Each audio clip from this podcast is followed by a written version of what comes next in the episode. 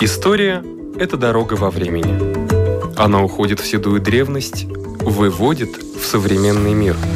Она показывает, рассказывает, объясняет. И не перестает удивлять. Живая история.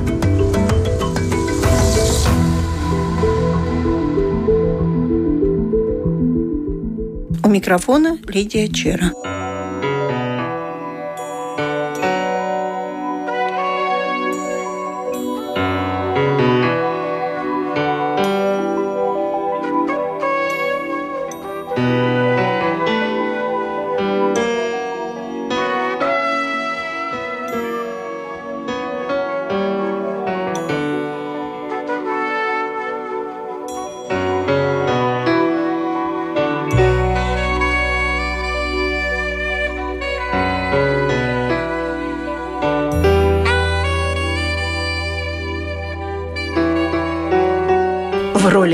Роли Марты Озолы артистка Лилита Озволыня. В роли Артура Йозас Кисюлис. Режиссер Алайс Бренч. Музыка Раймонда Пауса. И все это вместе семисерийная драма «Долгая дорога в дюнах».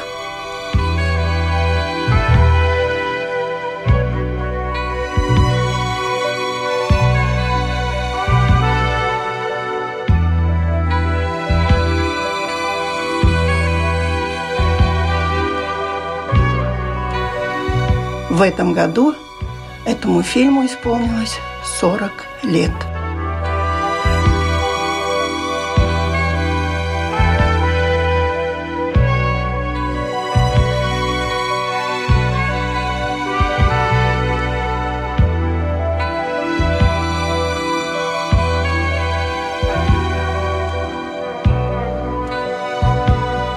Начнем, наверное, с того, что в этом году исполняется 40 лет одной из самых известных картин латвийского кинематографа – это «Долгая дорога в дюнах».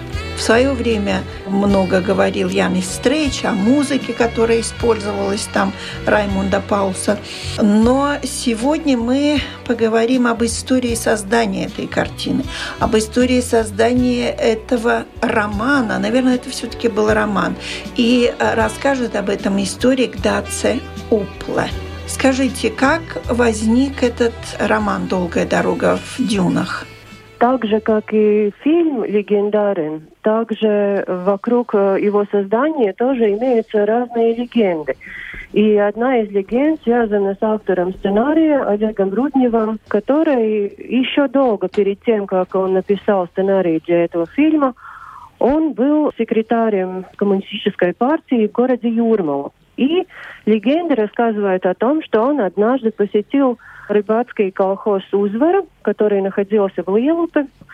И там при встрече с местными рыбаками он услышал историю о девушке, которая была дочерью богатого рыбака состоятельного, и э, влюбилась в бедного парня, который стал коммунистом. Уже тогда это продолжается как эта история Марты, приблизительно такая же. И для Руднева это оказалось таким очень романтичным и интересным моментом.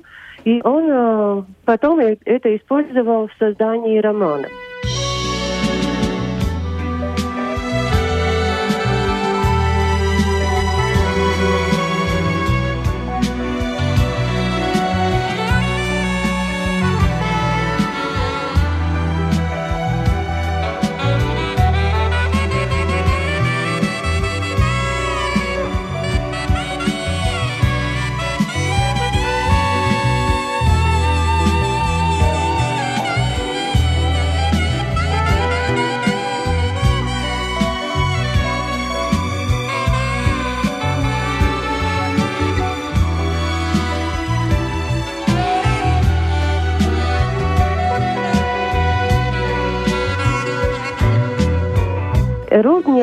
Таким э, очень эмоциональным, порывистым человеком, и он хотел создать действительно такую мелодраму, такую романтичную историю. Но потом уже в процессе создания сценария, когда подключились еще и другие сценаристы и подключился режиссер Алоис Бренч, тогда это обрело немного другой облик, потому что, э, во-первых, надо иметь в виду, что режиссер Бренч, он все-таки был режиссером детективных фильмов, криминальных таких э, историй, и он хотел создать э, немного другой фильм, не такой романтичный. И для него э, самым важным в этом э, стало все то, что связано с историей Латвии. И для него этот образ Марты был как э, образ истории Латвии. И он хотел показать зрителям Советского Союза не только вот эту романтичную историю рыбацкого поселка, но и показать, что же произошло с латвийским народом в течение э, этих десятилетий вокруг э, Второй мировой войны, которая является, конечно, достаточно сложным историческим периодом. Да, и это получилось. И историки, конечно, на это смотрят э, совсем по-другому, потому что Конечно, надо иметь в виду, что фильм создан в 80-х годах. Это тоже достаточно сложный период истории. И, конечно, мы не могли в то время говорить о вещах так, как мы говорим сейчас. Это не могли ни создатели фильма, ни актеры. Но в то же время они пытались что-то сказать теми средствами, какие для них были, какие они могли использовать. То есть актеры пытались сказать это может быть, не словами, жестами, какими-то мизансценами, которые они исполняли. И получилось так, что да, все было показано так, как это было нужно в то время, но в то же самое время можно было и сказать те вещи, о которых говорить еще тогда нельзя было.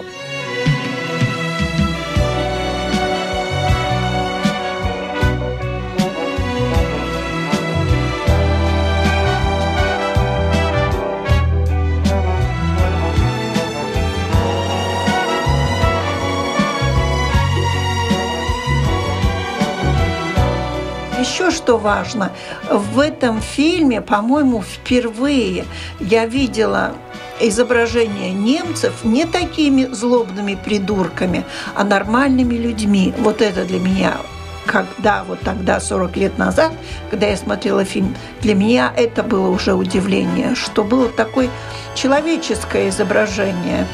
Да, конечно, очень большая заслуга в этом э, актера Ромолда Романовскис, который сыграл роль Рихарда. Интересно, что Бренч э, очень хотел видеть в роли Рихарда актера Харри Лепини, который сыграл совсем другую роль в этом фильме.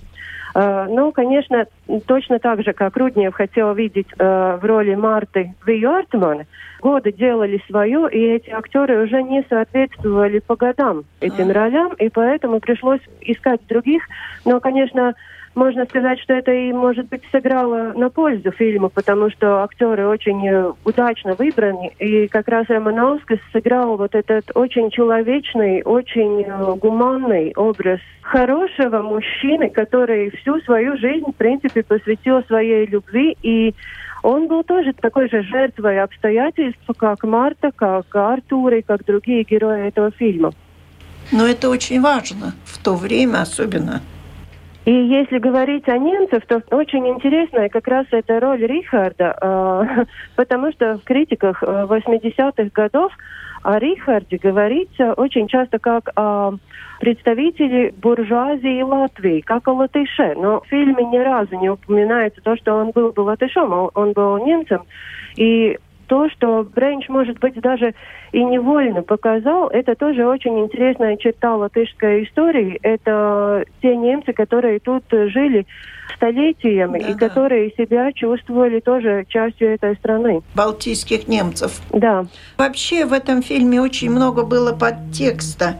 Да, ну это, это естественно, потому что это время такое, как я уже сказала, что нельзя было говорить о вещах прямым текстом, нельзя было это показывать так, как это действительно было, но были такие разные нюансы, которые актеры вложили в это. Например, э, актер Арис Гейкинс, который играет достаточно эпизодичную роль хозяина Кайчмы, Абуалтенша, вот который показан как, как абсолютно негативный герой, но там есть такой момент, когда он покидает Латвию в лодке, значит, э, бежит, э, да. отправляется в эмиграцию, и перед тем, как сесть в эту лодку, он наклоняется и берет горсть песка и кладет себе за пазуху. И, значит, этот момент, э, он показывает человечность этого образа, который нельзя было показать ни словами, ни другими э, методами в сценарии.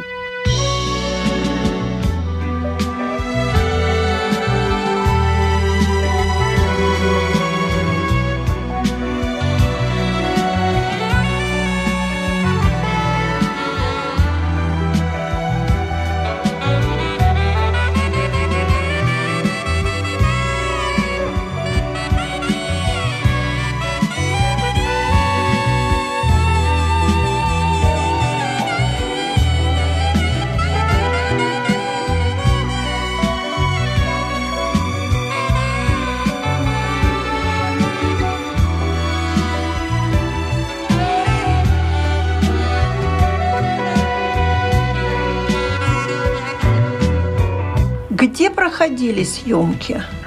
Фильм, конечно, очень большого объема. В принципе, это семь полных фильмов, полнометражных. Съемки проходили в городе Юрмал, проходили в Яунтимере, в Темере, в окрестностях Юрмалы. Это Бигаунциемс, Лапмешциемс, Апшуциемс, это значит рыбацкие поселки.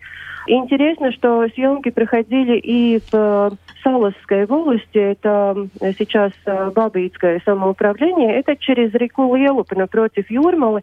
Там э, такое старое здание, э, волосное управление, где Эдуард Павловс в своей молодости, он туда ездил на балы, танцевать, он любил очень танцевать. Потом в этом здании, значит, снимались эпизоды «Долгой дороги в дюнах», а сейчас там можно посетить мемориальную выставку, посвященную Эдуарду Павлову, и узнать о его творчестве достаточно много. Вот о нем очень мало говорят, на мой взгляд. Может быть, выставка и есть, и нет у него в этом году круглой даты, но он очень большую роль сыграл, начиная с сына рыбака, как он снимался. И вот в этом фильме у него тоже была сложная довольно роль «Долгая дорога в дюнах». Да, конечно, эта роль очень сложная. И э, интересно, что Павел сам говорил, что эта роль самая любимая для него, самая любимая так. кинороль. И он ее чувствовал как продолжение Оскара, сына рыбака. Потому что он так думал, что если бы Оскар прожил свою жизнь в этом рыбацком поселке, то он бы стал вот таким хозяином, каким Павел видел э, якобы Озволза. И интересно, конечно, и, и разные нюансы, которые он сам вкладывал в эту роль, чтобы сделать ее более достоверной, что для Павловса было самое важное всегда, когда он играл, чтобы ему верили. И, в принципе, всегда это и получалось. Мы всегда верим тому образу, который он показывает на экране. Если говорить о известности, то, наверное, все-таки я бы хотела возразить немного. Конечно, это потому, что это моя работа. Я каждый день работаю как раз с тем, чтобы мы все время еще говорили о Эдуарде Павловсе и его творчестве. Но два года назад была эта круглая дата. Мы отмечали 90 лет Эдуарда Павловса. И тогда в этом нашем музее в Ветволже, где была мемориальная выставка, там мы проводили большое мероприятие и Сейчас, конечно, в этом году все по-другому. Мы не можем так часто встречаться так, да. как нам бы хотелось, но все равно мы пытаемся со своими посетителями как-нибудь коммуницировать и как-нибудь э, это все про Павлуса, про его театральную деятельность, про кино, все это рассказывать.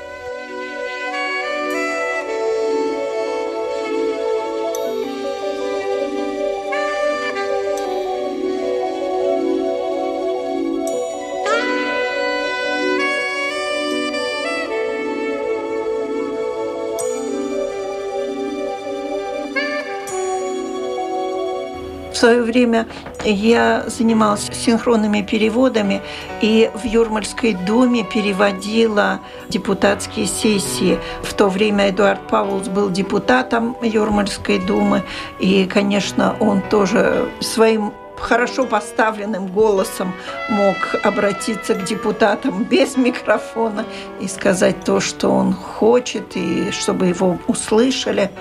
Он был, конечно, жителем Юрмала. Я знаю, что он в Валтерах жил, по-моему. А кто сейчас живет в Валтерах? У него дети а, были? Да, да, у него двое детей, дочь и сын. Они все еще живут в Юрмале, дочь живет в этом доме в Волтере, и они да. очень э, с нами тоже хорошо сотрудничают, и много материалов мы от них получили, чтобы этот музей создать. И, ну, в принципе, это не, не так, чтобы сказать, что это выставка, просто мы не имеем этого названия музея, но, в принципе, это музей Эдуарда Павлуса. Да, он достоин того, чтобы сделать. Не знаю, мне кажется, что очень достойно он сыграл роль Цеплиса. Это тоже замечательная роль. Ну, у него, в общем, имеется около 80 киноролей э, и в Латвии, и за пределом Латвии. И, конечно, он, он э, уникален именно тем, что он всегда свои кинообразы играл так, чтобы мы ему абсолютно поверили. И поэтому мы верим и тому, как мы видим образ Цейплиса, как мы видим э, этого сына рыбака Оскарса, и как мы видим э, Яка Озуолса и все другие роли, хотя они очень отличаются друг от друга, но все равно мы всегда им э, стопроцентно верим. Как он мог сыграть одноногого человека? Тоже да, это, это очень интересная вещь, потому история что... История а, даже, скажем. Да, это даже история, потому что Бренч очень э, хотел подчеркнуть именно эту одноногость, эту инвалидность, эту хромоту, не, это, хромоту э, что этот недостаток, он очень мешает якобы Озуосу как-то себя реализовать как человека, как рыбака, как хозяина и даже как мужчину. Павел сначала возражал. Тогда Бренч его отвез э, в центр протезирования и даже как-то уговорил примерить эту ногу. Я не знаю, как протез, это технически да. было возможно, но он, да, он примерял этот протез, он смотрел, как люди его надевают, как его укрепляют, как э, люди, которые используют протез, как они ходят – и это очень-очень э, характерно Паулусу, что он всегда учитывал нюансы и всегда их потом в своих ролях использовал. И ему получилось так достоверно, что даже люди, которые его потом видели в жизни, не верили, как же так, сейчас он ходит нормально и имеет обе ноги, и с ним все в порядке. Да. Это Паулсу характерно было, он вживался в образ полностью.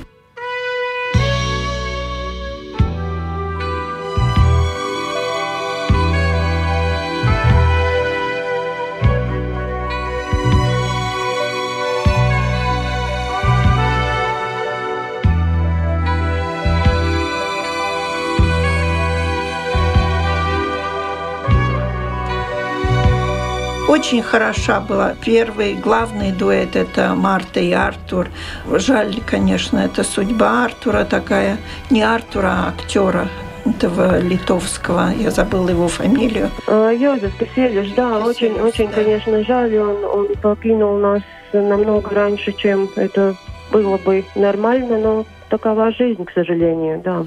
Я потом долгое время искала, думаю, где же он еще будет играть. И, в принципе, в наших фильмах он больше не играл. Нет. Насколько я помню. А Марта, Марта была любимицей всего бывшего Советского Союза. Да, ну Лилой Тойзолине интересно, что она вообще не была ни первым кандидатом, ни единственным кандидатом. Очень много актрис перепробовались на эту роль пока все-таки Бренч решила, что Лили Тозолань будет э, ее играть. Потом она, да, она стала любимицей всего Советского Союза, и это, конечно, достаточно логично, потому что она великолепно сыграла эту роль. Через нее режиссер смог сказать то, что он хотел сказать. То есть он видел в этом образе как символ латышской истории. И, конечно, и Руднев мог сказать то, что он хотел сказать через сценарий. То есть это очень красивая, очень романтичная роль, потому что Марта, она, она такая очень э, хрупкая, очень женственная, и это только естественно, что ее зрители очень полюбили. Да, и очень сильная. Да, очень при сильная. Всем, при том, что жизнь, конечно, поиздевалась над ней еще ой, ой, ой как. Вообще подбор актеров просто попадание очень хорошее в любого актера, там второстепенного, главные роли. Фон прекрасный, музыка, о которой можно говорить. Да, да, действительно, это так. Вся группа съемки этого фильма они очень большие мастеры своего дела. Это и актеры, и все остальные, которые снимали этот фильм. Ну, конечно, музыка Раймонда Пауса – это уже половина этого фильма. Очень красивая колыбельная песенка, которую Марта поет своему маленькому сыну, когда они уже сосланы в Сибирь. Интересно, что эта песенка в одном из запросов, когда было столетие Латвии, то эта песенка среди ста самых лучших популярных латышских песен была названа в 33-м месте. Это так слова что... Аспазии, да? Да, это слова Аспазии. Circenītis. Да, dzied circenītis aizkrāsnēm.